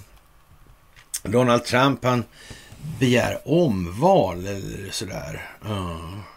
Omgående. Men det menar han ju inte naturligtvis, det säger han bara. Mm. Han vet mycket väl att det inte behövs något omval om de, ett an, tillräckligt antal elektorer inte blir godkända, så att säga, är ogiltiga. Det räcker. Mm. Behöver inte göra något omval då. Och då är så att säga valet kontaminerat. Och då blir det ett val där varje delstat har en representant. Och som av en jävla händelse så kommer det där gå dit det ska i så fall. Ja, och det vore väl en, vad ska vi kalla för, rätt så smakfull lösning skulle jag säga. Mm. Sådär. Men eh, som sagt, han lär ju inte kliva på i brådrasket heller, för då får han ett problem om man kliver på det här. Mm.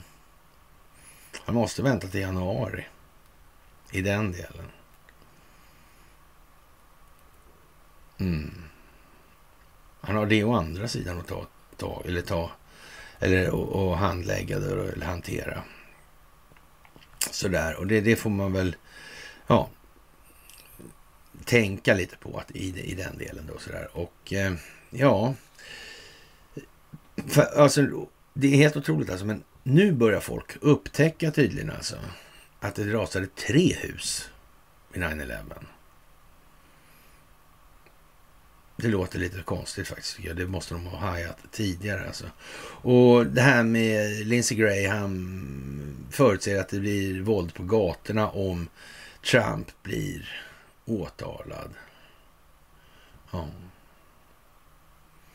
Då kommer Antifa försöka ställa till det som magagubbar. Mm. Då kommer det bli Antifa mot Antifa fast några är utklädda till magagubbar. Ja. Men då så var det ju det där med geofencingen alltså. Mm. Det är nog så att det är handlagt. Det är hanterat redan. Det gäller bara att få fram det helt enkelt. Tvinga ut dem att göra det där. Som kommer att leda till att de kommer att få vidkännas rättsliga påföljder. Det är bara så helt enkelt. Ja, det är en eh, trevlig tillvaro när Hillary Clinton stöttar Sanna Marin med dansbild alltså. Det, det måste man ju säga alltså. Det, det, är fantastiska tider helt enkelt. Och Vicky Chakraborty gick ur tiden. Ja, Vicky hade ju lite med hotell att göra och såna här grejer och, och så. Mm. De var nog inte helt avlyssningssäkra de där hotellen i alla delar. Nej, det var de inte. Det är nog inte Storstalins heller kanske. Nej, kanske de inte är. Nej. nej. Men han har ju andra sidan bolag ihop med Wallenberg så det gör ju ingenting. Han får ju billig avlyssningsutrustning i alla fall. Och, sådär, så och, och, och de två är ju bolag ihop med Vimal också. Så det var ju så det också. Ja, ja, ja, ja, men det där är lite speciellt alltså. De är säkert glada för varandra just nu i det här tillfället. Det, det känns som att de har anledning att vara det faktiskt. Och med det, kära vänner, så får vi väl säga att piglördan går till sin ände, åtminstone ur perspektivet av myset. Och eh, som sagt, det är otrolig mängd, en otrolig mängd information nu och eh, man får försöka hålla det här så att sekvenserna blir så korta att det går att överblicka hela tiden. Och nu, därför blir det ju liksom ofta nu att vi snurrar och snurrar och snurrar ju så här och kommer in på det gamla och kör om igen och kör om igen och kör om igen. För det måste fästa alltså. Och det här är inte särskilt komplicerat. Alltså man kan, det moderna krigets beståndsdelar, det kan ni nu. Alltså.